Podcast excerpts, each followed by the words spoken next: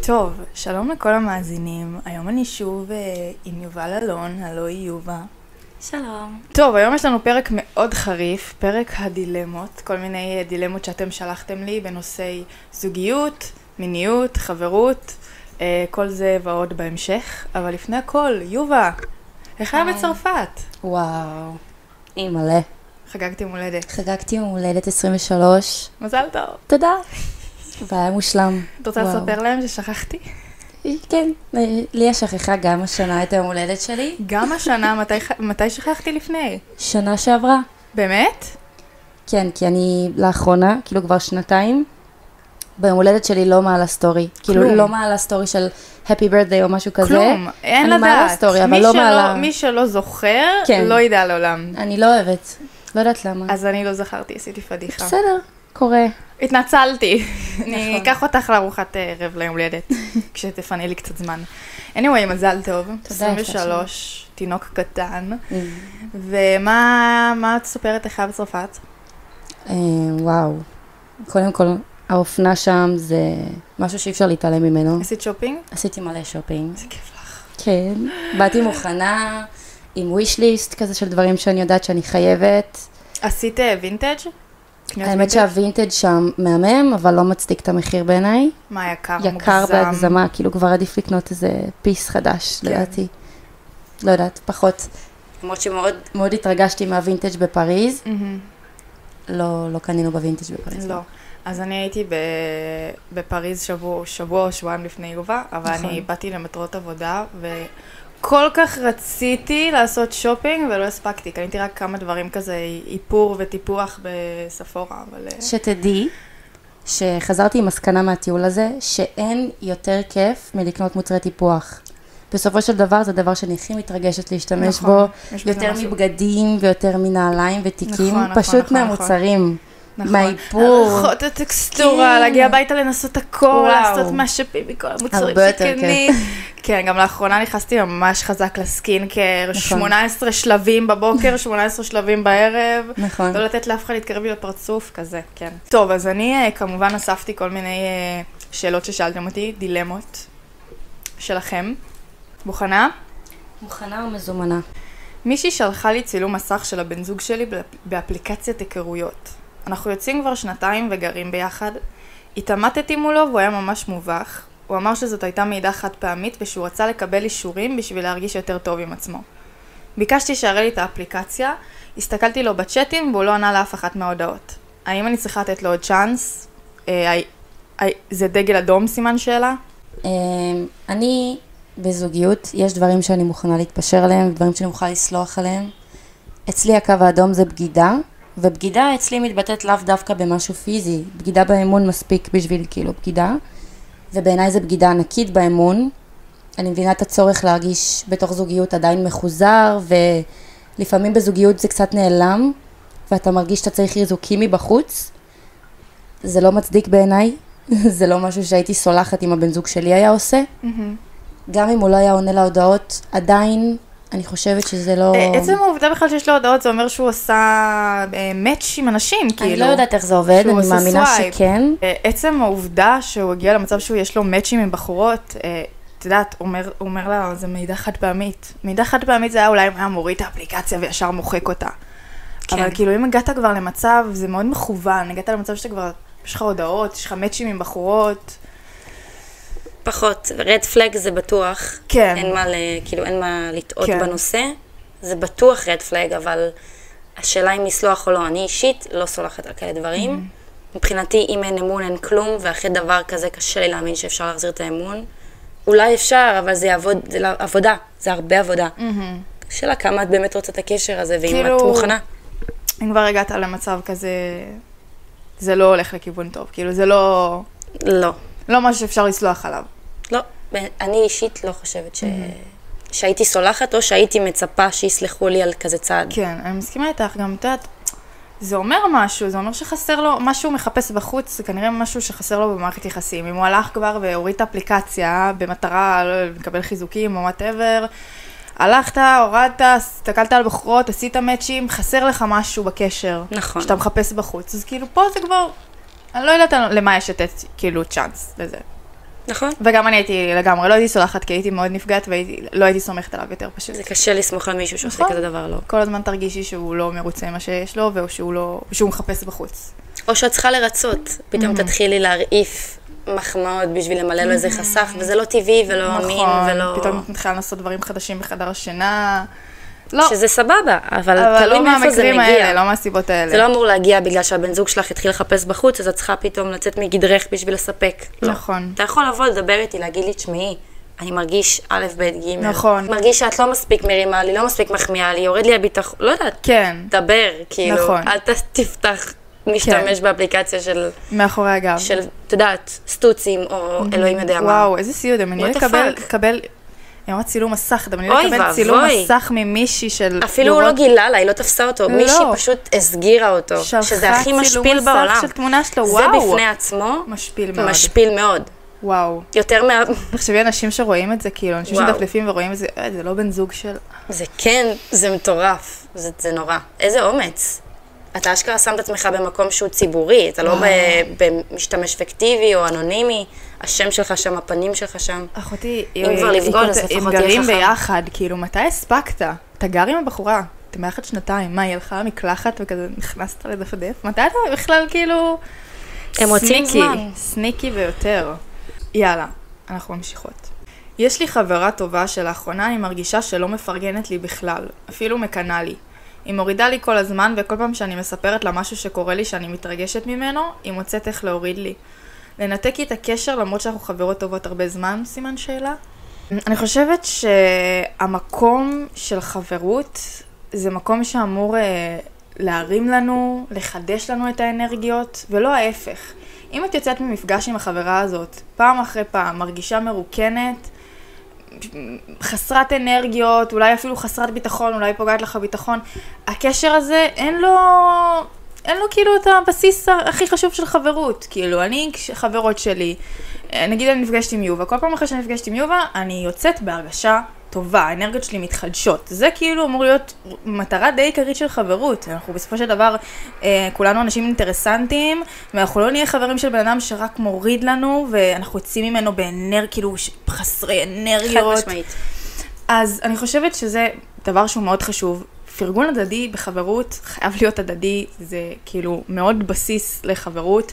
אני לא אומרת שחברה צריכה תמיד להסכים לכל מה שאת אומרת, או להרים לך ברמות, או להגיד לך, אה, את צודקת, את צודקת, את צודקת. היא כן צריכה להיות אמיתית איתך, היא כן צריכה להגיד לך שאת טועה, אבל אה, יש הבדל בין להגיד לך שאת טועה במקרים מסוימים, לבין להוריד לך ולא לפרגן לך כל פעם שאת באה לספר לה משהו שמרגש אותך. אני חושבת שהרבה מאיתנו יכולים להזדהות עם זה, וחווינו אי פעם בחיים חברות שפתאום קיבלה תפנית, פתאום את מרגישה שהצד השני פחות מפרגן, או אפילו מקנא. אני אישית מכירה את ההרגשה הזאת, וזה מאוד מבאס, את פתאום שואלת את עצמך, למה? למה? אנחנו חברות, לא עשיתי לה כלום, אני חיה את החיים שלי, אני פתאום בתקופה טובה, ופתאום כשאת בתקופה טובה, היא הכי מורידה לך, והיא הכי מנסה כאילו לבאס אותך. וזה לגמרי מרוקן את האנרגיות, ואני מצטערת להגיד לך, אני חד משמעית חושבת לנתק קשר. אני לא מצטערת להגיד לך, אני שמחה להגיד לך, כי את לא מפסידה שום דבר, היא מפסידה אותך. אה, מגיע לך סביבה מפרגנת ותומכת, וחברה שתשמח בשבילך כשקוראים לך דברים משמחים ולא תוריד לך. אה, יצא לי לנתק קשרים בדיוק על זה, וזה עשה לי טוב. זה מבחינתי לנקות אנשים שרעילים לי, אה, וזהו, מה את צריכה את זה? כאילו, למה? איזה מין חברות זאת אם את כאילו לא מרגישה בכלל, you know. אני חושבת שהאינטל זה די מדויק, ויש לי משהו קטן להוסיף. לי לקח הרבה זמן להבין שאני לא צריכה להיות מוקפת בצי שלם של חברות בשביל להרגיש שיש לי חברה, שיש לי חברות, שאני לא לבד.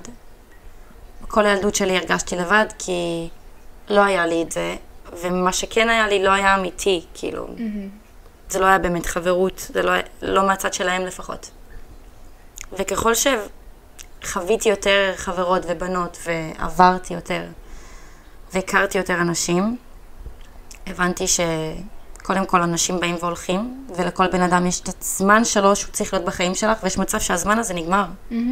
שהתפקיד שלו בחיים שלך נגמר, נכון. וזה בסדר, זה קשה לוותר על אנשים שאתה אוהב, נכון. כי את עושה גם סוג של רומנטיזציה לכל מה שעברת איתו, ואת אומרת, הכל היה מושלם, היא הייתה כזאת כיפית, היא כן, הייתה החברה הכי טובה שיחות שלי. עמוקות, אה, היא כל כך עזרה כן, לי. פתאום הכל היה מושלם איתה, אבל עכשיו זה לא. ועכשיו היא לא במקום שהיא מרימה לך, או מצליחה להרים לך, ויכול להיות שזה גם לא קשור אלייך, זה באשמת, בגללה. זה, בו... זה כנראה בוודאות זה- לא קשור. כנראה אליי. שזה זה הסיבה, ומשם זה נובע.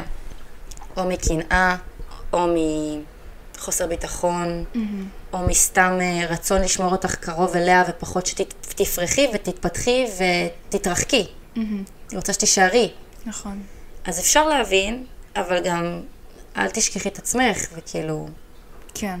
כמו שאת לא היית מורידה למישהי, אין שום סיבה שאת תתני למישהי להוריד לך, גם אם את מאוד אוהבת אותה. אהבה זה לא הכל, זה לא מספיק. נכון. אני חושבת גם שכאילו קנאה לחברה טובה שלך זה דבר כל כך מיותר, כל כך כאילו...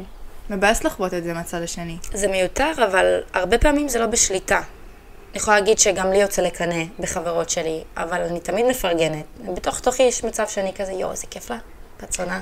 כן, אבל זה, יש הבדל. זה טבעי, פשוט חברה אמיתית יודעת לפרגן ולהגיד את זה. כשאת עושה משהו ואני יודעת שאיזה כיף לך, אני אומרת לך, יואו, איך אני מקנאה בך? נ- נכון. יש לקנא כן, ככה. זה משהו אחר, זה משהו אחר. ולפרגן, ויש נכון. לקנא, ולאכול את עצמך, ולאכול את חברה שלך. נכון. שם זה כבר לא סבבה ולא בריא. ולא לשמוח בשמחתה, להוריד לה, היא באה מסביבת לך משהו מרגש אותה. ו- בדיוק.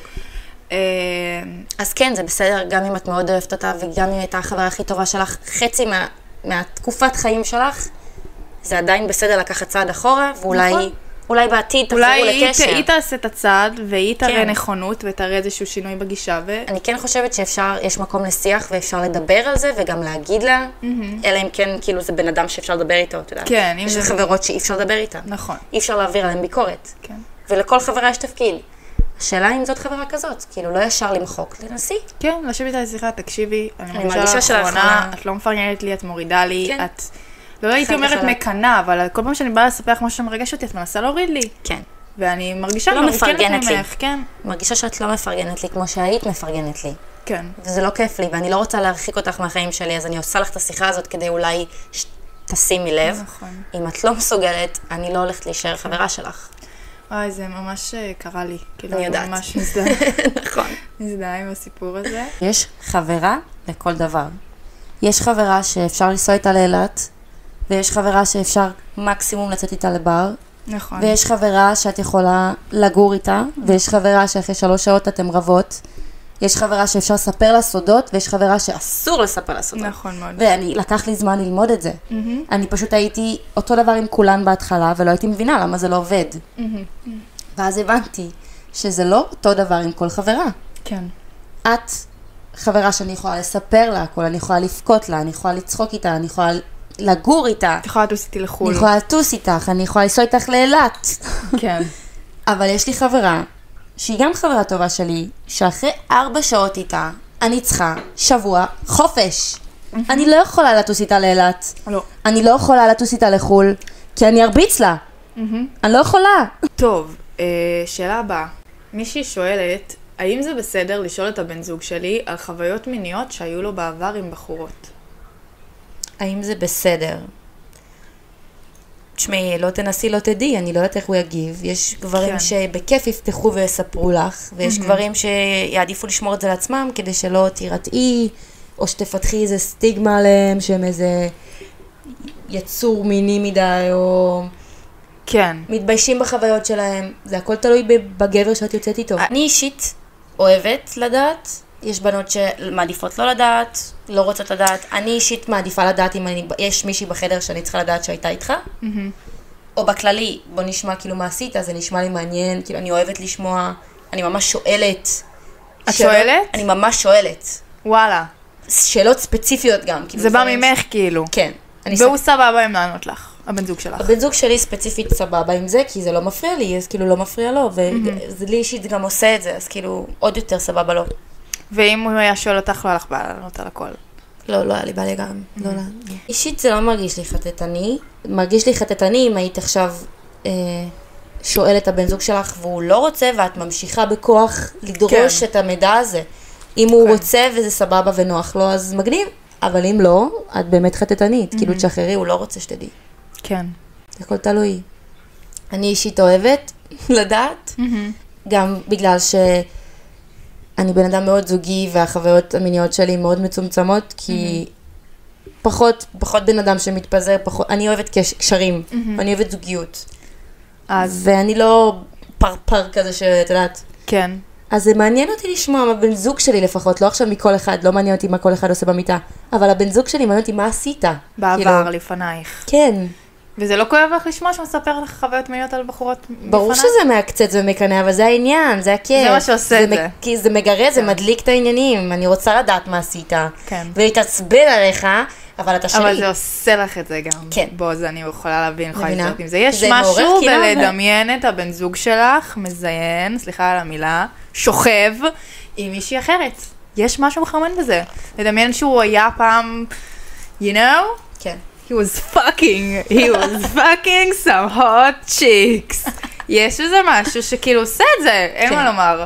אז כאילו, זה כואב לשמוע, זה מעקצץ, את יודעת, עכשיו שאת אבל- Mm. אומרת את זה, זה מצ- זה מצחיק, כי לנו זה עושה את זה, אבל אותם זה מגעיל. כאילו, ככל שתהיי עם הם יותר לא בנות- בנים... מוכנים לשמוע. ככל שתהיי עם יותר בנים, זה גם מגעיל אותם. כאילו, הם עושים לך כזה, אוי, הם לא מוכנים לשמוע לא רוצה דברים, לדעת, לא רוצה לשמוע? לא רוצים לדעת. את רק תס- ת- תתחילי להגיד איזה משהו, על- אה, וואי, אתם רואים מישהו, שאת רואה ברחוב מישהו שהיית איתו. ואת כאילו אומרת, וואי, איזה קטע, אתה זוכר סיבה? לא רוצה לשמוע, כן. לא, אל תספרי לי מה היה, איפה היה, כמה היה, עם מי היה. הם לא מוכנים, ובנות, תמיד ירצו, תמיד כאילו את הסקרנות, תמיד תספר לי, תספר לי, תכאיב לי, תכאיב לי. כן. אבל ספר יש לי- בנות שלא ספר לי רוצות. איפה שכבת איתה, כמה שכבת איתה, אה, ירדה לך, איך היא ירדה לך, איפה היא ירדה לך, כן, ספר, ספר, ספר, כאילו, את רוצה לשמוע את הפרטים, איך הייתה נראית, היא הייתה יפה, הייתה שווה על הציצי גדול, כן, ספר, תכאיב לי. כי גם זה, זה עושה לנו את זה, וגברים זה, הם לגמרי, זה מגעיל אותם, כן. מוריד להם. נכון. איזה הזיה, זה הזיה. זה הזיה. כן. אנחנו מוזרות. אפילו, כאילו, יש, יש לי את זה קצת ביותר קיצוני עם הבן זוג שלי. כן. אני, אני עושה את זה, כן? זה הכל בא ממני. הוא בן אדם נורמלי לחלוטין. אני הבן אדם המוזר בקשר, אוקיי. ואני, כאילו, נגיד, אנחנו רואים סדרה, אז אני ממש שואלת אותו, אם היית צריך לשכב עם מישהי אחת פה, בסדרה, מהקאסט הזה, עם מי היית שוכב? כאילו, מי הכי יפה, מי הכי זה? כן. אני אוהבת, אני אוהבת לדעת. כאילו, זה עושה לי את זה, זה מעצבן אותי, וזה עושה לי את זה בו בו בוז. זמנית, וכאילו, זה מוזר ברמות.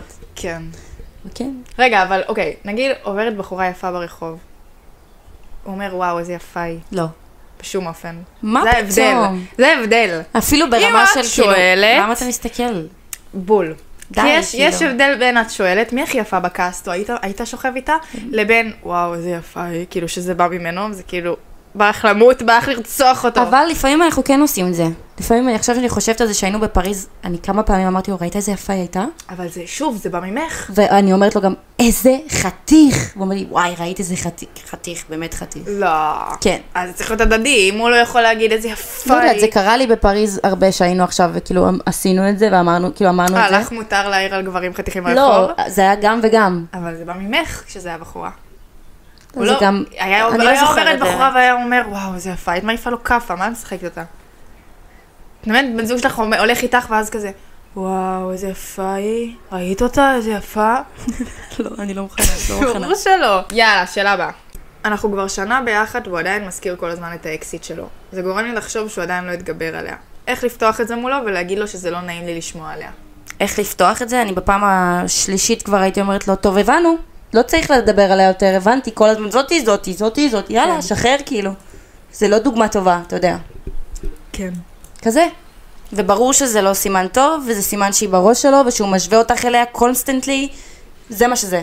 נכון מאוד. כל הזמן להעלות זיכרונות ו... ודברים, זה, זה לא סימן שהוא מהמם. כל או- פעם הוא מזכיר אותה בהקשר הזה, בהקשר הזה, אה, אם איתה זה היה ככה, ווואלה, הייתי כשהייתי איתה פה פעם, כן, היינו פה פעם. סתום את הפה. אה. מה אכפת לי, כאילו, תקדם. כן. אין שום פשוט סיבה. להגיד, פשוט להגיד לא. אלא אם כן מדברים עכשיו על משהו בזוגיות, וכאילו, לא, לא, יש את רוצה הבדל לתת דוגמה... בין, אה, בין לשתף עם דברים שלמדתי מקשר קודם, או להגיד כן, זה קרה לי בקשר הקודם, ולקחתי מזה ככה וככה, או כן, היה לי את זה איתו, וזה היה מאוד קשה, לא. ומשם למדתי ככה וככה. אבל כאילו, אם הוא מזכיר אותה כל הזמן, אבל סתם להזכיר אותה, וסתם לדבר עליה כל הזמן, וזה משהו שחוזר על עצמו. זה מראה שהיא עדיין בראש שלו, מהמם. בצורה כזו או אחרת. מה היית אומרת, אבל? מה היית אומרת לו? מה שאמרת, שומע? מה מה אכפת לי? למה אתה מדבר עליה כל הזמן? אוקיי. לא נעים לי, לא נעים לי שאתה מדבר עליה כל הזמן. לא מעניין. הייתי אומרת לו פשוט, לא מעניין אותי. כן, אם הייתי מדברת על האקס שלי כל מה הזמן, אכפת לי, מזכירה כאילו? אותו. מה אכפת לי, מה עשית איתה, מה היא הייתה, איפה לא היא רוצה הייתה? לשמוע, עזוב, לא אכפת לי, לא מעניין. רוצה לשמוע. לא רוצה לשמוע עליה יותר. כן, בול. יופי. תעשי את זה אבל. תעשי את זה דחוף. כי זה לא סבבה. לא, הם כבר שנה ביחד, מה זה שטויות האלה? שנה? לא סבבה. לא סבבה. אוקיי. טוב, זה אחד מעניין. ככה, אנחנו ביחד כמעט שנתיים, ואני יודעת שהחלום שלו זה שנעשה שלישייה עם מישהי. דיברנו על זה כמה פעמים, אבל תמיד עלו לי חששות שאולי זה יגרום לקינה. לאחרונה מרגיש לי שהקשר נהיה קצת משעמם, וגם הסקס כבר לא מרגש. התחלתי לחשוב על האופציה של החוויה הזאת, וזה גם כן משהו שמעניין אותי להתנסות בו. מתלבטת אם לקחת את הסיכון. לדעתכן זה משהו שיכול להיות הרסני לקשר, או רק חוויה מרגשת. וואו, ראיתי סרט שהם פשוט, זה נגמר ברצח. מה? כן, ב- באת. זוכרת? לא, מה זה את? הם רצו לעשות רביעייה עם אה, עוד אה, זוג. ב-U. ב-U, את. כן, סליחה. נו. הם רצו לעשות רביעייה, ובסוף אה, הם דיברו על איזה משהו למטה, כי היא קנאה מאוד, אז זה התפוצץ, ואז הם שמעו אותם, וזה נגמר בזה שהם היו חייבים לחטוף אותם. זה מה שישר עולה לי כשאני שומעת על רביעיות ושלישיות. נכון, סצנה כזאת ב- ב- שזה יכול להיגמר מאוד רע. אני אישית דוגמה קצת קיצונית, יובל. מאוד קיצונית. לא קצת. טוב שלא הגזם, זה ייגמר ברצח. אני חושבת שזה מאוד ריסקי. אני לא חושבת שאני הייתי מסוגלת לעשות את זה. הלוואי שהייתי יכולה להגיד לך, וואלה, כן, נשמע לי מגניב, גם אם לא עבד, לא נורא. נראה לי שאני לא אתמודד עם זה טוב. אם אני אראה את זה קורה, אני כאילו לא. לא חושבת. לא חושבת שאני יכולה. אה, לא לוקחת אני סיכון. חושבת שבזוגיות זה מורכב. זה מורכב. אני יכולה להבין שאת רווקה, אני יכולה להבין שאת זאת שמצטרפת לזוג, אבל כשזה בתוך הזוגיות שלך, בבית שלך, במשהו שהוא מאוד פרטי שלך, זה יכול מאוד לדפוק לך את המוח. כאילו, זה יכול לשחק לך במוח אחר כך, לרוץ לך מחשבות, או את יודעת, לראות את הבן זוג שלך נוגע בבחורה אחרת, ממש לראות את זה מול העיניים שלך. אה, וואו, זה יכול וואו, להיות... זה נורא קשה. כן. י- יש לי גם את הצד שאומר, כאילו, אם יש לך אה, משיכה לבנות, או שהחוויה הזאת עושה לך את זה, וכאילו בא לך לחוות, ואת לא... את חושבת שאת יכולה להתמודד עם זה, ושזה לא ידפוק לך את המוח, אז כאילו, יש לי גם את הצד הזה שאומר, יאללה, חוויה, והבן זוג שלנו הוא פרטנר שלנו, ואם אנחנו סומכות עליו, ומציבות, את יודעת, מדברים מראש ומציבים חוקים, אז כאילו זה יכול לעבור ולהיות כיפי וזה, אבל... עדיין יש את הסיכון הזה, כי את לא יכולה לדעת, גם אם הצבת חוקים, גם אם דיברתי עם הבחורה, שהכנסתם למיטה והצבתם את הגבולות וזה, עדיין פתאום משהו יכול... אה, זה יכול לגעת, זה יכול לפגוע, זה יכול לגעת, זה יכול לעשות משהו. וזה סיכון שהוא, אם את אוהבת את הבן זוג שלך ויש לכם זוגיות טובה, זה סיכון שקצת מפחיד לקחת. אני כן חושבת שזה יכול להרוס, כן, זה יכול זה חד יכול משמעית להרוס. להרוס. אה, ואני חושבת שתנסי קודם, את אומרת שקצת שגרתי לכם ומשעמם, תנסי משהו אחר, שלאו דווקא מצריך להכניס מישהי מבחוץ. יש הרבה דברים שאפשר לנסות שיפלפלו את הקשר במיטה, לא חסר. אה, תנסו משהו, תנסי משהו, ת, תעשי, זה- תבואי אליו עם איזה משחק תפקידים, ברודר, נתקעתי במכונת כבשה. או, עשו איזה משהו נחמד לפני שאת אה, לוקחת את הסיכון הזה. אה, זהו, תחשבי על זה טוב. זה מה שאני יכולה להגיד לך. ריסקי ריסקי. מאוד ריסקי. ריסקי ריסקי. את פשוט צריכה לקחת בחשבון שאם את עושה את זה, זה יכול פשוט ללכת לשני הכיוונים. זה יכול או להיות חוויה מהממת שתעשו אותה אחרי זה שוב, או שאת פשוט תהיי מוצפת קינה, ו... אה. זה יכול להתפוצץ לך ואפילו בפרצוף. שנאה, כאילו, את תסתכלי עליו, את תשנאי אותו שהוא עושה את זה. אני חושבת שזה מה שיקרה לי. כן. אני פשוט ארצה להרביץ לו. באמת, אני מדמיינת את זה ובא לי לס- לשים לו בו- בוקס לפנים. כאילו, בא לי ממש... להפריד ביניהם. כן. אוקיי, מישהי שואלת, האם זה בסדר להיות עם אקס של חברה? הם לא ביחד מלא זמן וכבר יש לה מישהו חדש. תראי, אצלי כאילו התשובה ברורה, כאילו אצלי החוקי חברות זה מאוד, כאילו, אקסים של חברה זה תחום ש- אפור כזה שלא שחור. מתקרב- שחור. הוא לא אפור. מה זה אפור אפור? זה לא בטוח, אה, לא, כאילו. לא, לא. אקסים של חברה זה תחום שחור. קו אדום, לא חוצים קו אותו. אדום, קו לא אדום. חוצים. כן, זה לא משנה אם יש זה... מספיק גברים. זה לא משנה אם היא בת 25 וזה אקס שלה מהתיכון, זה לא משנה אם אה, היא נפרדה ממנו, זה לא משנה אם היא סיימה איתו בטוב, או ברע, או בזיבי, ואם יש לה כבר חבר חדש, או היא כבר נשואה עם ילדים. זה תחום שלא מתקרבים אליו, כי אני מבחינתי, אם חברה תעשה לי, כי תהיה עם מישהו שאני הייתי איתו, עם אקס שלי, פשוט שאהבתי מחוקה. פעם, היא- מה זה מחוקה? היא... היא- מחוקה. היא מחוקה? היא מחוקה. אז לא הייתי, אל תעשה לחבריך מה ששונאו עליך. אז- כזה גרלס קוד. כן, גרלס כמו קוד. שיש לבנים, אתה יודע, ממש. זה אותו דבר. אז, אה, אז ברור שלא. אה, לא משנה אם את רוצה לשכב איתו, להתחיל איתו, רק לס... כלום. בעיניי, זה לא כאילו... משנה. אני הייתי מנתקת איתך קשר וגם... אה, פשוט צריכה להבין שברגע שחברה שלך מתחילה משהו עם מישהו, כאילו זוגיות, הם ב- היו בזוגיות, הבן אדם הזה בחיים לא יכול להיות איתך. זה מה שאת צריכה להכניס לראש. את ברור. לא תהיי עם הבן אדם הזה. בשום וזה אופן. בסדר, הכל טוב. לא חסר אנשים בחיים. לא חסר אנשים בחיים. את צריכה גם... ל- ל- תשמעי, אם אתם חברות, הוא- היא יותר חשובה ממנו, זו עובדה. כאילו, מה יותר חשוב לך? לא, ברור. להיות איתו, או החברה הזאת? שאלה הבאה. איך מתגברים על מישהו? זה שלבים. קודם כל יש את שלב האבל, כאילו הוא מת. כאילו הבן אדם נעלם לך מהחיים, יש פה איזה שנייה להתאפס. לאט לאט הזמן עושה את שלו. צריכה להשיג את עצמך הרבה. ריבאונד זה תמיד אה, אופציה. זהו, באתי להגיד שכאילו...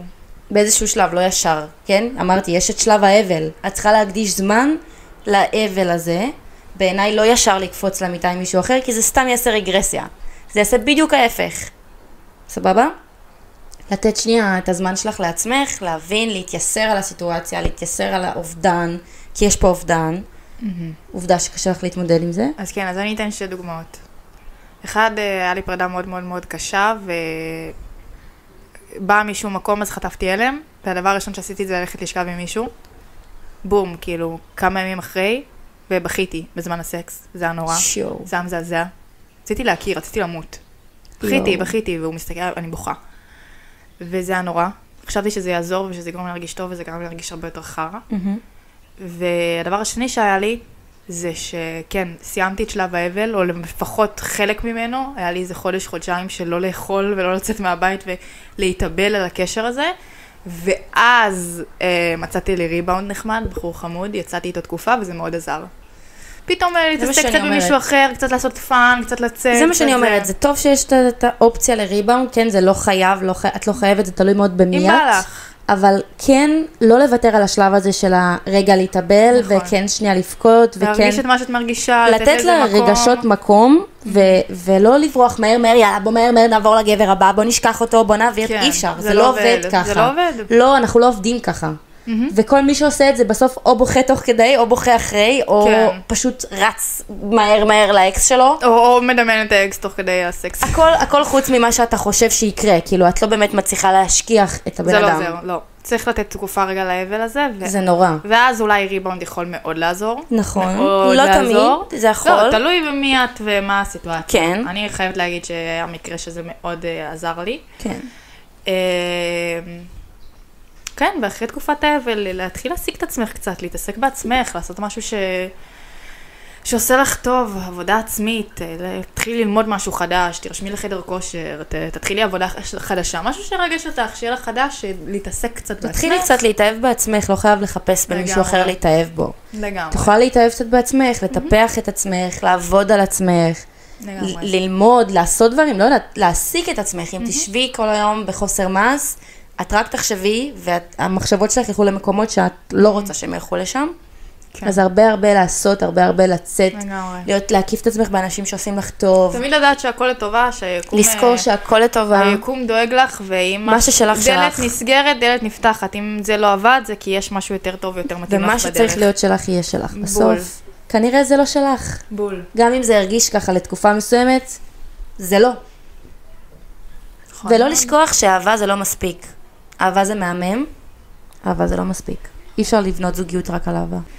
ככה, מישהי כותבת, ניסיתי מלא סוגים של גלולות, הכל עושה לי רע, הפסקתי ואני לא רוצה לשכב עם קונדומים, זה ממש לא נעים לי, אבל הוא תמיד גומר בחוץ. ריסקי. מה זה ריסקי? לא לקחת סיכון, מה זאת אומרת? אני לא, לא, לא בן אדם ש... אני יודעת שגלולות זה לא בריא, אני יודעת שזה לא טוב. זה הורמונלי גם מאוד, הרבה בחורות זה משפיע עליהן הורמונלית. מה זה זה? זה, זה מה שזה עושה. כן, זה כן, כן, כדור לא, של זה הורמונים. ברמת הנפשי, פיזית, הכל.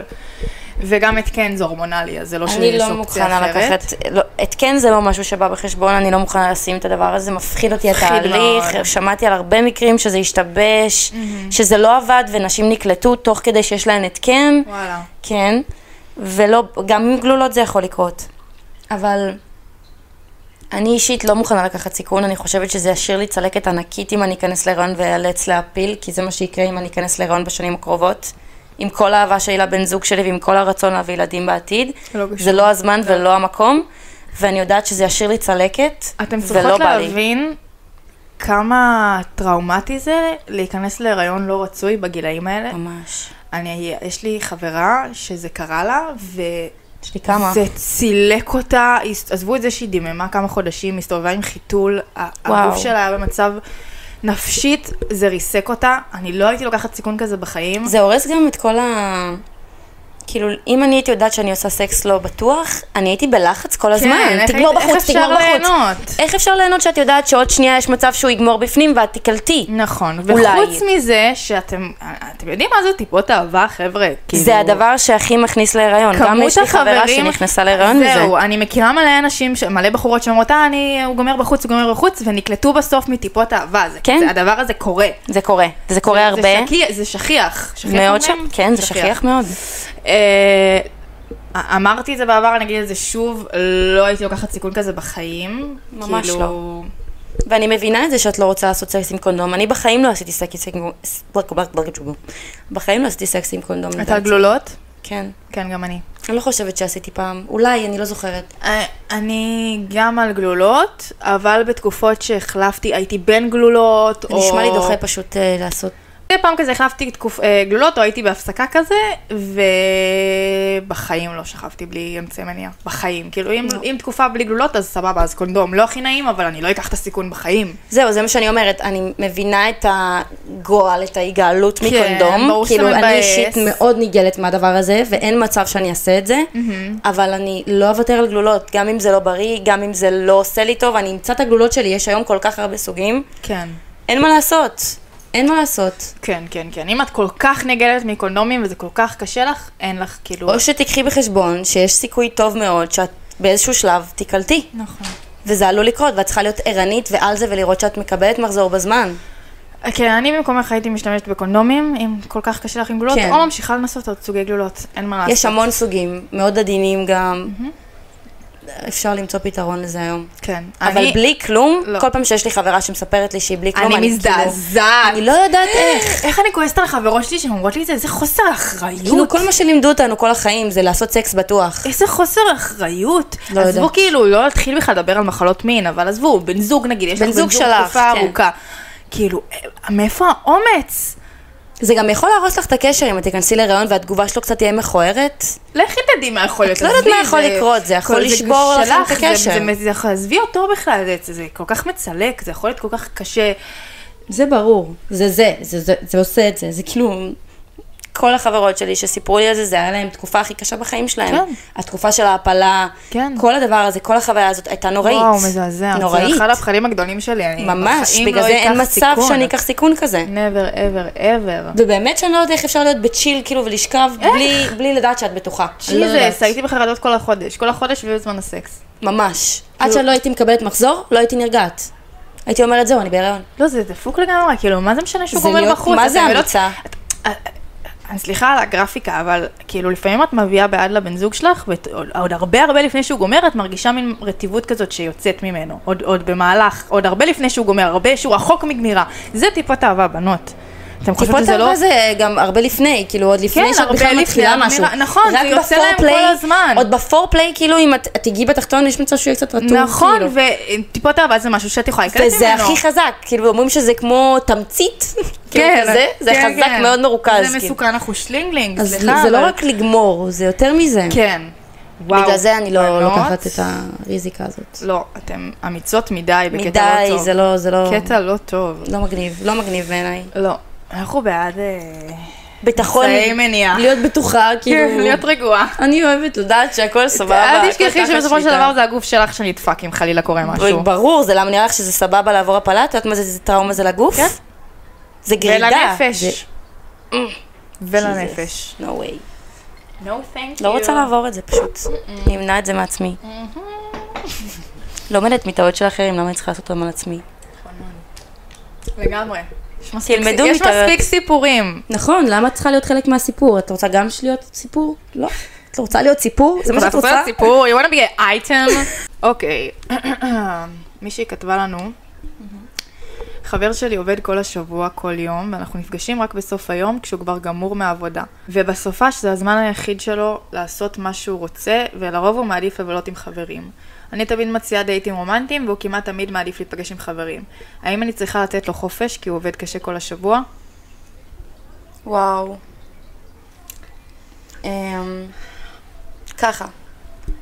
זה שבחורה שיוצאת עם בן אדם שעובד, אני אישית יוצאת עם בן אדם עובד, כל השבוע עובד, עד הערב, קבוע. כאילו, בח... אנחנו יוצאים שנתיים, בחיים לא היה יום שהוא לא עבד בו, גם בחגים, כאילו, אנשים שלא עובדים, הוא עובד. וחשוב לו מאוד לשים דגש על הזמן איכות שלנו. זה גם הרבה פעמים בא ממני, והרבה פעמים בא ממנו, אז אני אישית, כאילו, חושבת שאם זה היה כמו שהיא מתארת את זה, אני הייתי משתגעת, כי רוב הזמן הוא באמת בעבודה. אני חושבת שאת כן צריכה לתת לו את הספייס, וכן לתת לו את הזמן לראות את חברים שלו, כי את יכולה כל השבוע להיפגש עם חברות שלך, אז את לא מצליחה אפילו להבין כמה זה כאילו מתסכל שאתה רואה את חברים שלך נפגשים במהלך השבוע ואתה פאקינג עובד. נכון. אז אתה מחכה לסופש כדי כאילו קצת להשלים פערים ולראות נכון. אותם, אבל אתה גם צריך לשים לב שיש לך פה זוג- בת זוג נכון, לא להזניח ואתה את זה. צריך לטפח את הקשר הזה, כי אם כאילו- לא, זה פשוט יהפוך רק, לשגרה. רק לישון ביחד במהלך השבוע, כשאתה חוזר הביתה גמור ואתם לא עושים כלום, אתם לא עושים שום דבר רומנטי, not making love, לא כלום, אז זה כבר לא, זה לא לטפח את הקשר, זה לא לתת תשומת לב לקשר, זה לא מספיק לראות אותה בערבים כשאתה חוזר הביתה גמור והולך לישון. אה, חד משמעית צריך לתת אה, דגש ל- לצאת לדייטים מדי פעם, אה, להקדיש זמן שהוא רק שלכם, אה, זה מאוד חשוב. מאוד. ואני מאוד מסכימה איתך, גם אני כאילו אה, בזוגיות עם מישהו שהוא מאוד עובד ומאוד עסוק, וגם במהלך השבוע הוא חוזר הביתה מותש ואין לנו יותר מדי את הזמן שלנו. כאילו לי יש הרבה יותר זמן חופשי מלא, בוא נגיד את זה ככה. ובגלל זה מאוד חשוב הדגש ל- בסופאשים, שיש לנו את הזמן איכות, וגם אם, הי- אם הייתי מרגישה שאין לנו את זה, וזה לא חסר לו בכלל, כאילו זה בא רק ממני, והוא כאילו מבחינתו רק הייתי מאוד נפגעת, גם אני. מאוד מתבאסת, מאוד נפגעת. גם אני בוודאות. כי אני רוצה להרגיש שהוא רוצה להיות איתי, שזה בא גם ממנו. אוקיי. שזה בא משם, שהוא כן. גם הציע, בוא נצא לדייט, בוא, נ... בוא ניסע סופה של... היא גם אומרת שהיא מציעה והוא מחזלש אותה כזה, אז אה, כן, זה עוד והוא יותר פוגע מעדיף שאת לצאת כן עם מנסה החברים. ליזום. כן. שאת מציעה והוא מעדיף לצאת עם חברים. בטח את צריכה שזה לשים, פוגע. קודם כל, אני, חשוב לי שאני בזוגיות, שאני כן אהיה מעל החברים שלך. כן, אני כן מעליהם. כאילו, אני בעדיפות ראשונה. אני אתן לך את הספייס שלך לבד. אתה לא תצטרך לבקש אותו, אני אתן לך אותו. אבל אני כן רוצה להרגיש שאתה רוצה להיות איתי יותר מחברים שלך. נכון. סורי. ככה אני בזוגיות לפחות. כן, אני אני גם רוצה ככה. להיות איתך יותר מעם חברות שלי, אני נכון. כן רוצה חברות ואני כן רוצה לראות אותן, אני לא יכולה להיות איתך כל הזמן. נכון. כי יימאס לי. נכון. ויימאס לך. ואני כן רוצה גם שנתגעגע, וכן רוצה שיהיה לך חיי חברה. לגמרי. את לא רוצה להיות הבן אדם היחיד בחיים שלו. ממש. אבל זה צריך להיות סוג של איזון והרמוניה כזה, צריך לעבוד מאוד בהרמוניה כן. ולהבין שהוא עובד, אין לו זמן אחר, יש סופאשים שתראי אותו פחות, יש סופאשים שתראי אותו יותר, כל עוד זה קצת בא ממנו, כן, זה עוד יכול אז לעבוד. עדיין מאוד חשוב שת... להרגיש כן. שהוא רוצה להיות איתך, שהוא מקדיש לזה זמן. בלי זה זה לא שווה. כן. אי אפשר. כן. לא חושבת שהייתי לגמרי. אוקיי. מצליחה עם כאילו... לגמרי. אני שם, חושבת, אז אני אה, יודעת. כן, אני חושבת שתדברי איתו, תגידי לו שאת מרגישה שזה בא רק ממך, שהוא כאילו הוא תמיד מעדיף להיות עם החבר'ה, ושאין בעיה, שאת מבינה, ושאת אה, כן רוצה לתת לו את הזמן שלו, והכי, זה טוב לכם שכל אחד יש את החיי חברה שלו, יש לי עוד משהו. אבל שאת מרגישה ש... שהוא מ- מקפח את הקשר, ולא נותן אה, כן. דגש גם על ה... לשמור על הזוגיות שלכם ולטפח אותה. מה רצית להגיד? אני יכולה לספר מהחוויה האישית שלי, מהזוגיות שלי, שהיה לנו גם תקופה כזאת שהרגשנו שאנחנו קצת מזניחים את החיי חברה שלנו. זה בדיוק הפוך ממה שהיא אומרת. Mm-hmm. ואנחנו כן רוצים חיי חברה, אנחנו לא רוצים להגיע למצב שאין לנו חברים, ו... ואתם רק אחד בתחת השנייה כל היום. ואנחנו ממש רצינו כאילו למצוא חברים שהם זוגות. ממש כאילו חיפשנו זוגות. שתוכלו כאילו ביחד. שנוכל ל- ל- לשלב את השניים. Mm-hmm. גם להיות עם חברים, ובו זמנית גם להיות ביחד. Mm-hmm. שזה ממש ממש כיף, וזה משהו שלקח לנו זמן להגיע למצב הזה, שהיה לנו כאילו לפחות שני זוגות חברים, לגמרי. וזה ממש עושה טוב וממש כיף, ואני ממש ממליצה לגמרי. לנסות. אולי תציעי לו גם, שתציע לו, אם יש לו חבר בזוגיות. נכון, תנסי לי, נעשה דאבל תנסי, דייט. כן? למה לא? כן. זה מהמם. אה, אבל כן חשוב שגם יבוא לו לרא- להיות איתך לבד, להשקיע בך. ברור, זה ברור, מאוד מאוד אבל חשוב. אני אומרת, ככה אפשר קצת לשלב. נכון.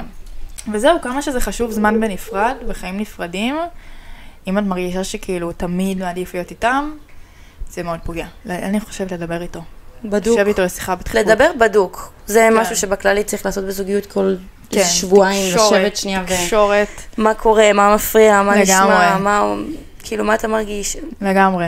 כל הזמן לתקשר. זה ממש חשוב, ממש. לגמרי, לגמרי, לגמרי. עם תקשורת טובה אפשר לטפל בהכל, אפשר לדבר על הכל, אפשר לפתור הכל. נכון מאוד. פנתה אליי באינסטגרם סוכנות דוגמנות מאוד מצליחה ומוכרת בארץ. הגעתי לפגישה, ובפגישה ביקשו ממני לשלם על הבוק כסף. אלפיים שקל. האם זה משהו שהוא לגיטימי? אוקיי, אז מי שלא יודע, וואו. כשאת אה, חותמת לסוכנות חדשה, מבקשים ממך לעשות בוק, בדרך כלל עם צלם שעובד עם הסוכנות, אה, בשביל שיהיה לה תיק עבודות לאתר של הסוכנות, לשלוח ללקוחות, להציג אותך בתור המיוצגת החדשה, שיהיה להם חומרים שלך. בוק, דוגמנית, נקי. עכשיו, אה, נהוג, מה זה נהוג? האופציה היחידה שאת אמורה להסכים עם זה, לחתום על זה, זה אם הסוכנות מממנת את זה. זאת אומרת, זה משהו שהסוכנות אמורה לכסות. או שזה צלם של הסוכנות, או אם זה צלם חיצוני, הם צריכים לכסות את זה. לא משנה. בקיצור, הם אמורים לשלם את זה. אם הם רוצים אותך מספיק לחתום, או להחתים אותך, ואם הם מאמינים בך בכלל כדוגמנית, אז ברור שהם אמורים לכסות את זה. אם הם מבקשים ממך לשלם, או שהם בכלל לא מאמינים בך כדוגמנית, והם פשוט סוכנות שמחתימה כל אה, בחורה שבכלל... אה, אוקיי, אין דרך אחרת לקרוא לזה חוץ מעקיצה. זה עוקץ, וזה לגנוב כסף לבחורה. כן, היא מקבלת משהו בתמורה, היא מקבלת תמונות, אבל זה לא אמור להיות ככה. זה הדרך של סוכנויות היום לעשות את הכסף שלהם. להביא בנות, לקחת להם כסף על בוק, לתקות תמונה שלהם באיזה מאגר. פה נגמר ה- התפקוד שלך בסוכנות וכל החוויה. כשאת מגיעה לסוכנות, לפגישה בסוכנות, מישהו שקורא לך, אין שום סיבה שאת תצטרכי לשלם לו, בסופו של דבר. וגם אם את זאת שבאה לפגישה, לא זימנו אותך. את, את זאת ביקשת שיזמה. להיפגש, את יזמת את זה, עדיין. עדיין, את לא משלמת את הדבר אתה הזה. מאמין אם בי? אם הם מבקשים ממך לשלם, סבבה, ביי, תודה, נקסט. כן, אתה אני יכולה מאמין בי. לספר שזה קרה לי, כשהייתי בת 16, פעם ראשונה שקיבלתי זימון מסוכנות מאוד מאוד גדולה, ואמרו לי בואי לפגישה, אנחנו ממש נשמח, הסוכן הראשי, ואמרו לי את השם שלו, רוצה לפגוש אותך אישית. באתי לפגישה וזה, ואז דיברנו, הכל מהמם, איזה יפה, בלה בלה בלה, הבוק עולה 2,000 ש"ח. ו? שם נגמר, כאילו, לא, לא הסכמתי, אבל אני זוכרת שזה נורא העליב אותי, והבנתי שזה לא אמור להיות ככה. זה לא אמור להיות ככה. זה לא אמור להיות ככה. זה אומר שהוא פשוט, הוא מנצל רואה, הוא רואה את אותך, ההזדמנות. הוא רואה אותך, הוא רואה כמו דולרים. הוא לא רואה כן. דוגמנית שתביא לא, לי לא, לא, כסף. לא משנה מה הוא אומר לך, והם יודעים מאוד לשכנע בפגישות האלה. בטח. אני יכול לעשות איתך, וואו, יש לי עכשיו קמפיין לפמינה, אני אקח אותך לזה, זה את בול בשביל זה, אתה בול. טייפקאסט, את זה, הם הוא מוכרים ימכור לך חלומות. חלומות, ואת לא אמורה לשלם שקל, אני לא, יכולה לא, להגיד לא, לך לא. שהייתי בסוכנות המון, ש- כמה שנים הייתי? שלוש שנים, ש... שנתיים שלוש, שקל לא הוצאתי, כן, ככה צריך להיות. את לא אמורה להוציא שקל. שקל. הם מוציאים עלייך אם כבר כסף. לגמרי. על יח"צ, על כל מיני דברים. ככה זה צריך להיות, ולא...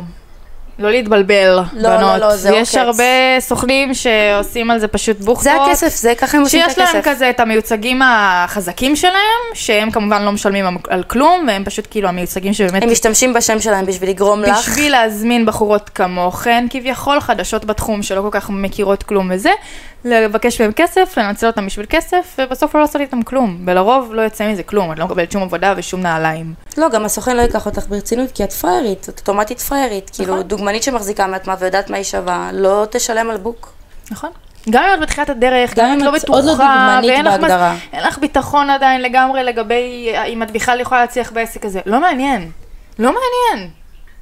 לא, לא, אתם צריכות להבין, צריכים להבין שבכל תחום יש את ה- את הדרך הזאת לכסף הקל. ושם, בסוכנויות, זה הדרך שלהם לעשות כסף קל. למכור לילדות עם חלום עתיד, שלא יקרה, בשביל שאולי כאילו הם יקבלו עוד איזה 2,000 שקל.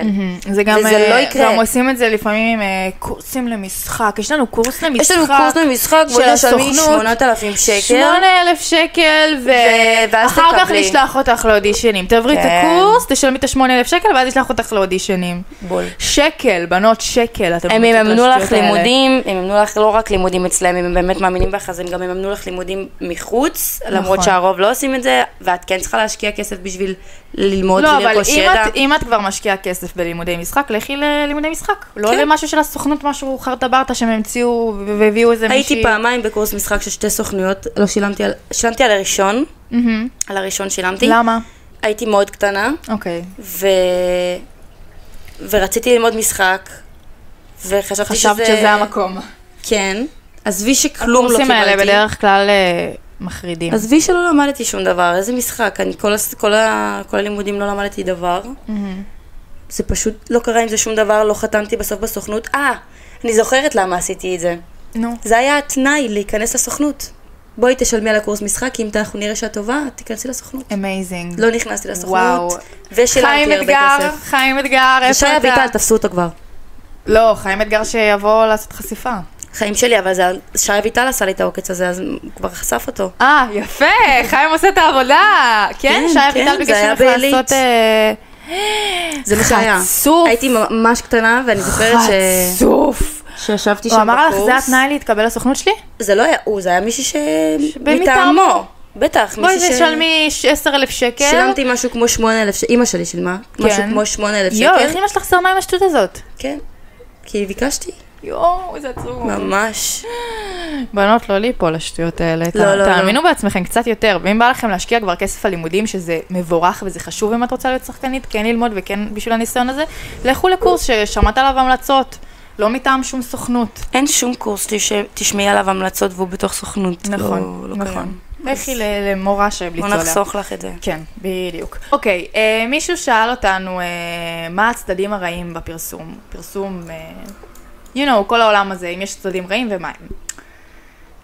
אה, ככה.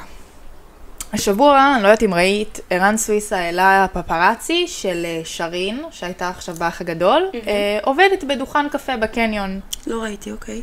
מבורך, עובדת. כן. לא יודעת למה לעשות על זה פפרצי ולהוציא על זה אייטם, סך הכל בחורה שהייתה באיזה תוכנית ריאליטי וחזרה לחיים. ממה אתה רוצה שתתפרנס? כן.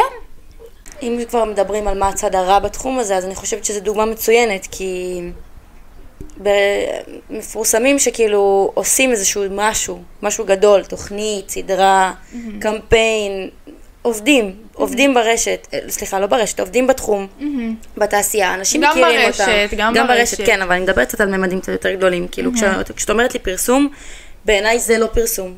זה פרסום ב- ב- בממדים הכי קטנים שלו. אני ואת, כן. כן, שרין זה משהו אחר, זה כבר ממדים אחרים. כי כאילו, זה, הייתה כי היא בטלוויזיה. כבר לא אנונימית. ברגע שאתה היא לא בטלוויזיה, אנונימית. אתה כבר לא אנונימית. אני מסתובבת ברחוב, אני עדיין יכולה להגיד לך, אני אנונימית. כן, כן, כן, לא. אז סבבה. ה- התקרת הזכוכית זה הטלוויזיה. הטלוויזיה כאילו מוציא אותך זהו, בול. מהמשבצת של האנונימית. אז בעיניי, אמ, הצד הקשה זה שנייה להוריד את האף כשאין לך עבודה, ולהבין, כמו שרין, שאתה חייב שנייה ללכת לעבוד באיזה בית קפה, או מסעדה, או להיות מארחת. Mm. או כל עבודה שהיא כל עבודה במרכאות שהיא- רגילה. כן, פשוטת ויש אנשים, עם. Mm-hmm. אני אישית, יש לי ידיד, שהוא בתחום, שנים, הרבה יותר ממני. כן. הבן אדם מסרב לעבוד במשהו אחר.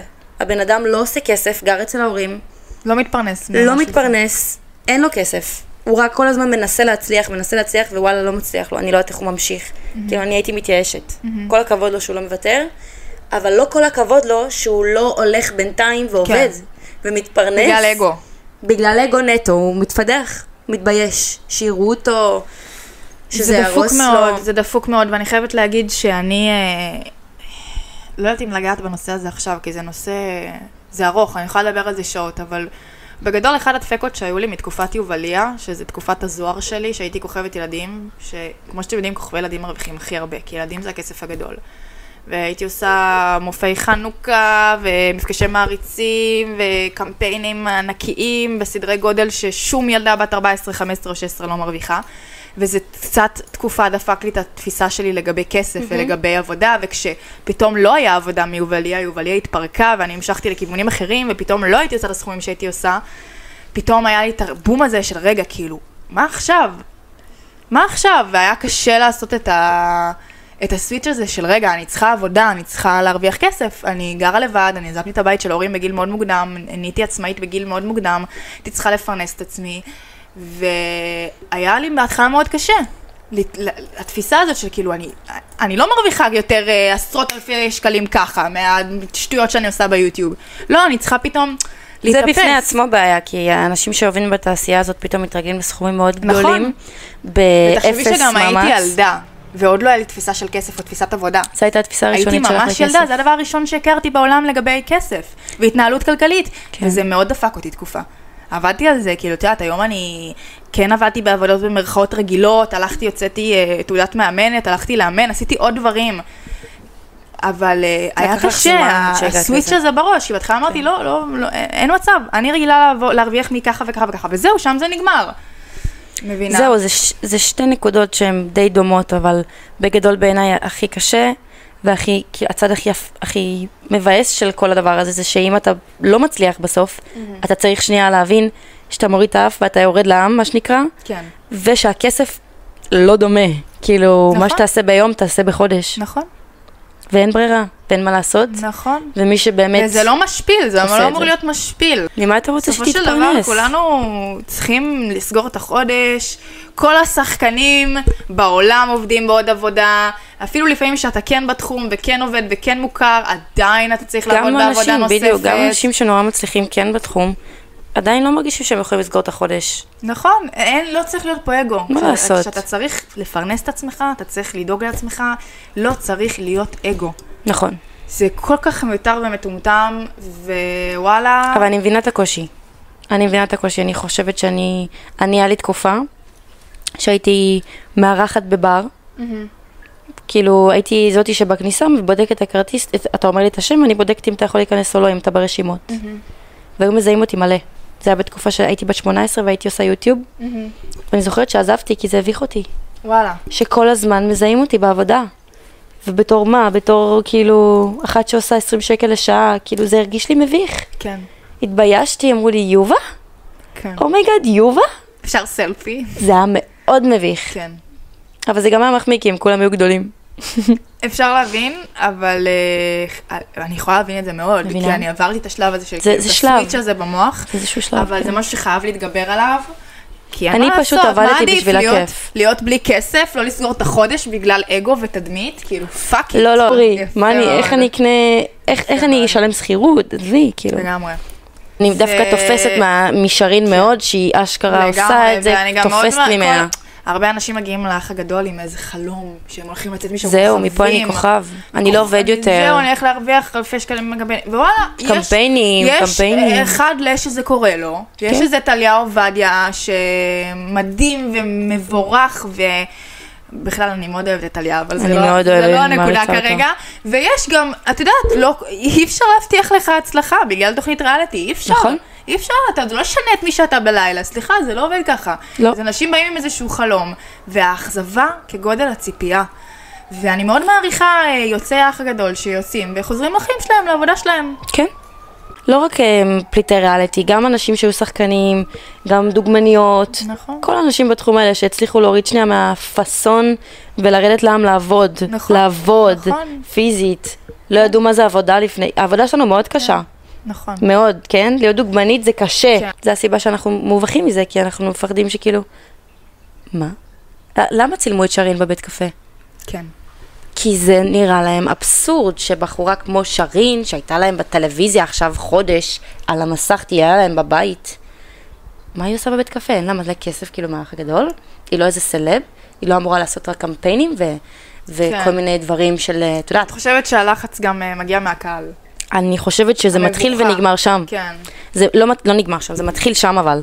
בזה שאתה מובך, ממה יגידו? כן. כי באמת אנשים מסת- מרימים על זה גבה. באמת אשכרה, זה אז קורה. זה גם דפוק. זה דפוק מאוד. זה דפוק שאנשים מרים על זה גבה. זה דפוק מאוד, אבל זו עובדה, כי הנה עובדה, צילמו אותה בבית קפה. נכון. ושלחו את זה לערן סוויסה. כן, זה הפך לאייטם. אין בעיה לצלם את שרין, ראיתי את שרין, התלהבתי, צילמתי. אבל לשלוח אבל זה לערן, מעבר, זה כאילו, לשלוח זה לערן, אייטם, כאילו, זה הפך תראה מה לאייטם. תפסנו, תפסנו את העובדת בבית כן. קפה. מבאס. ח- חבל מאוד שאנשים רואים את זה ככה. צריך להבין שכאילו לא... זה עבודה שהיא מאוד ריסקית.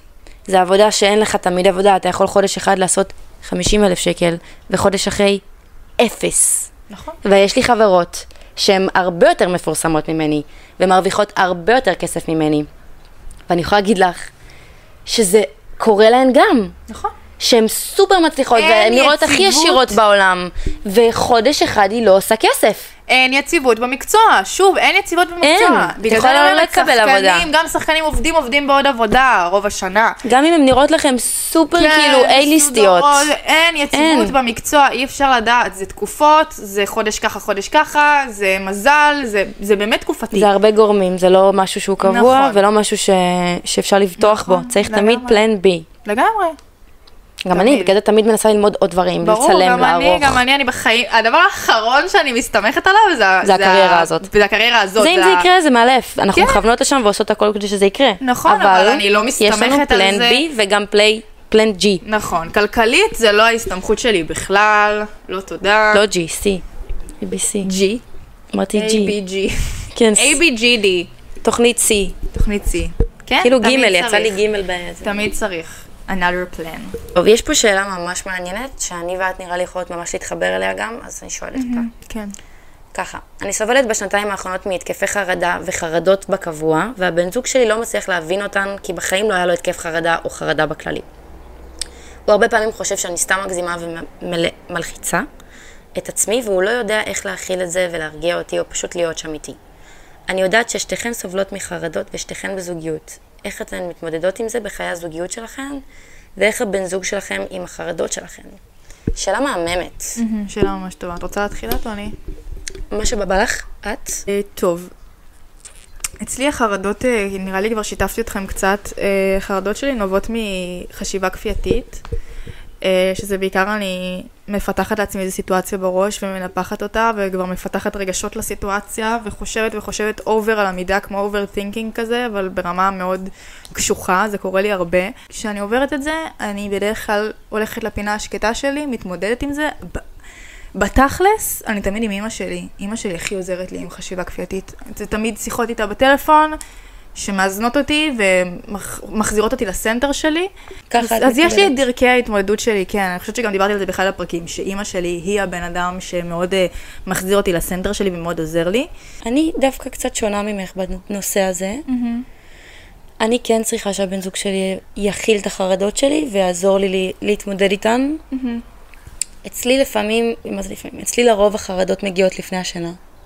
דקה לפני השינה שאת נכנסת למיטה, ויש כזה את הכמה דקות עד שאת נרדמת. רעידת אדמה, צונאמי, החתולה בורחת מהחלון. אמ, וואו, כאילו, רוצח סדרתי פורץ לך הביתה. דברים, כאלה, הח- פסיכי. ככה החרדות שלך? זה עוד עדין, אני לא אספר לך את הדברים הבאמת אפלים, כי אוקיי. אתם באמת לא, לא רוצים לדעת. אבל כן, כן, אני בן אדם גם שאוהב מאוד לראות דוקומנטרי, ו- ואני יודעת את כל הרציחות, את כל הסיפורים הכי פסיכיים, אני יודעת הכל. אני חולה על זה. אז גם אני מאוד מודעת לכל האסונות שיכולים לקרות, שזה עוד יותר עושה לי חרדות, כי אני גם נורא, לא יודעת, אני בן אדם אפל קצת, אפשר להגיד, במחשבות שלי, המוח שלי מאוד אפל. כן. אני יכולה להתערב איתך שאם אני גם אולי יכולה לקחת כדור כזה ולשתק את זה, אני מעדיפה שלא, אבל... Mm-hmm. כאילו, מה זה מעדיפה שלא? אני לא אעשה את זה. אני לא אתמכר לעוד כדור. כן. אבל... אני איתך, דרך אגב, אני גם המוח שלי מאוד אפל ולוקח אותי למקומות מאוד אפלים. מאוד, ואני בטוחה שכדור אחד יכול לסדר את זה, אבל נכון. אני מסרבת בכל תוקף לקחת את זה. כן. ואני אישית מאוד צריכה שהוא יכיל את זה, וגם הוא לא יודע מה זה. לא היה לו חרדה, הבן אדם פשוט נטול מדאגות. Mm-hmm. הבן אדם פשוט חי את החיים שלו, ואין לו בעיה למות מחר, הכל טוב. הוא אני, בצ'יל. אני פשוט בחרדה קיומית לפעמים. כן. ואני צריכה שהוא יגיד לי שהכל בסדר, שלא תהיה רעידת אדמה, לא יעשו. כן, זה עוזר לך? כן. זה עוזר לי, תשקר לי. אמרתי לו, אני צריכה שתגיד לי את הדברים שאני צריכה לשמוע. בהתחלה הוא לא היה מבין מה אני רוצה, הוא לא היה מקבל את זה, הוא לא היה מכיל את זה. עד שכאילו ביקשתי, הסברתי לו, תקשיב, אתה לא חייב להבין, אתה לא חייב לחוות משהו בשביל להבין אותו, אני מספרת לך שאני חווה את זה, זה מספיק. כן. אני גם אגיד לך איך להתמודד עם זה, אתה לא צריך לחשוב לבד. Mm-hmm. הסברתי לו מה ירגיע אותי, מה יעזור לי, מה אני צריכה לשמוע, וזה הכי דברים מטומטמים, זה הכי רוטינה, זה כאילו Mm-hmm. כן. לחזור עליה כל פעם, אין, זה לא עכשיו כל חרדה, תשנה את הזה. כן. אותו דבר, תחבק אותי, תגיד, יפה שלי, אני איתך, אני אוהב אותך, הכל בסדר, את סתם, את, את סתם, תפסיקי לחשוב. מקסים. זה עוזר לי. זה עוזר לך. וזה שטויות, מה זה זה? זה כאילו, אז זה... עשית לו הדרכה, וזה הדרה- עזר. לך. אחותי, יש דברים שלפעמים צריך להנגיש להם. דברים שלפעמים צריך להביא להם עד, עד כאילו, לפ- אין. אתה- אתה- כן, להסביר להם, אם- להדריך להם. עכשיו, אם אני לא הייתי עוברת חרדה, גם אני לא הייתי, לפני שהיה לי חרדות, לא יודעת איך להתמודד לא עם זה, ידעתי מה זה. שלאנשים יש... לא הייתי מבינה מה זה, מה קורה נכון. לבן אדם הזה, למה הוא ככה, כאילו, מה יש לו? כן. מה, הוא מגזים, כאילו, זה המוח שלך, תשתלט עליו רגע. נכון. אז זהו, שלא, וזה גם הרבה מעבר לנפשי ומוחי, כאילו, זה פיזי, לפעמים אני כאילו, את יודעת, אני לא צריכה להסביר. Mm. נכון. זה משפיע על הגוף. אז uh, אני מסכימה איתך, אני גם, אני גם הדרכתי את תום, כי בהתחלה כשהייתי נכנסת למצב הזה, הוא היה מאוד נלחץ. מאוד דואג לי, מה קורה, מה קרה, את וואו. בסדר, את בסדר, מה קורה איתך, כאילו, את גורמת לי להרגיש לא טוב, את גורמת לי, להרגיש, גורמת לי להרגיש כאילו אני עשיתי משהו. גם אם זה לא קשור אליו, אבל אני, אני בנוכחות שלו ואני במצב הזה, אז הוא מרגיש כאילו, הוא עשה משהו. כן. ואני גם הדרכתי אותו, וסיפרתי לו שזה קורה לי לפעמים. אני צריכה זמן, כן. צריכה שקט, אל תילחץ מזה, אל תיקח את זה על עצמך. זה אני, זה שלי, והיום הוא מבין, היום הוא יודע, הוא ממש כאילו נשאר בצ'יל, והוא מבין שזה, שזה מצב וזה עבר. כן, ואני האמת שהדבר הכי אה, גרוע שהוא יכול לעשות זה להילחץ איתך. כן, זה לא עוזר, ממש, זה לא הכי עוזר. גרוע, זה עוד יותר מלחיץ. אני חושבת שהדבר הכי טוב שהבחורה הזאת יכולה לעשות, אה, הבחורה שכתבה לנו את זה, אה, זה להדריך את הבן זוג תדריכי שלך. אותו. איך את רוצה שבן אדם שלא היה לו חרדה יבין איך להתמודד איתה? זה גם כאילו בקשה מוגזמת. אתה צריך שנייה הסבר, נכון. אתה צריך שנייה להדריך אותו. תנסי להבין מה את חושבת שיעזור לך בסיטואציה, אם זה לקחת צעד אחורה ולתת לך זמן עם עצמך, או להפך כמו יובל, לבוא ולהגיד לך הכל שיחבק אותך בסדר, ויעטוף ויחבק אותך. אותך ו... ויעטוף אותך. כן. תביני רגע מה את חושבת שיעזור לך, ותנסי להסביר לו, ואם הוא... והכי חשוב שתגיד לו שלא ישפוט אותך. שלא ישפוט אותך, שזה כן. לא בשליטה, וזה משהו שמשתלט, נכון. והוא כרגע, הוא שולט בי, וזה יעבור, ואני אחזור לעצמי. אתה פשוט צריך לחזור על המנטרה או וואטאבר שעוזר לך, וזה יעבור. לגמרי. זה זמני. כן. זהו, תדריכי אותו. תסבירי לו ותדריכי אותו. טוב, חברים, יובה, תודה רבה, איזה כיף היה לי. היה לי מה זה כיף. איזה לב את רוצה שהם יגיבו ביוטיוב? כל פעם מגיבים לב בצבע אחר. עצם, לב לבן. לב לבן, אוקיי? כן. כן. אם אתם אה, צופים בנו ביוטיוב במקרה, תגיבו לנו לב לבן, שנדע שהאזנתם עד לפה. ואם אתם בספוטיפיי, אז אה, פשוט אה, תמשיכו בחייכם כרגיל. כן, לכו על זה. כן.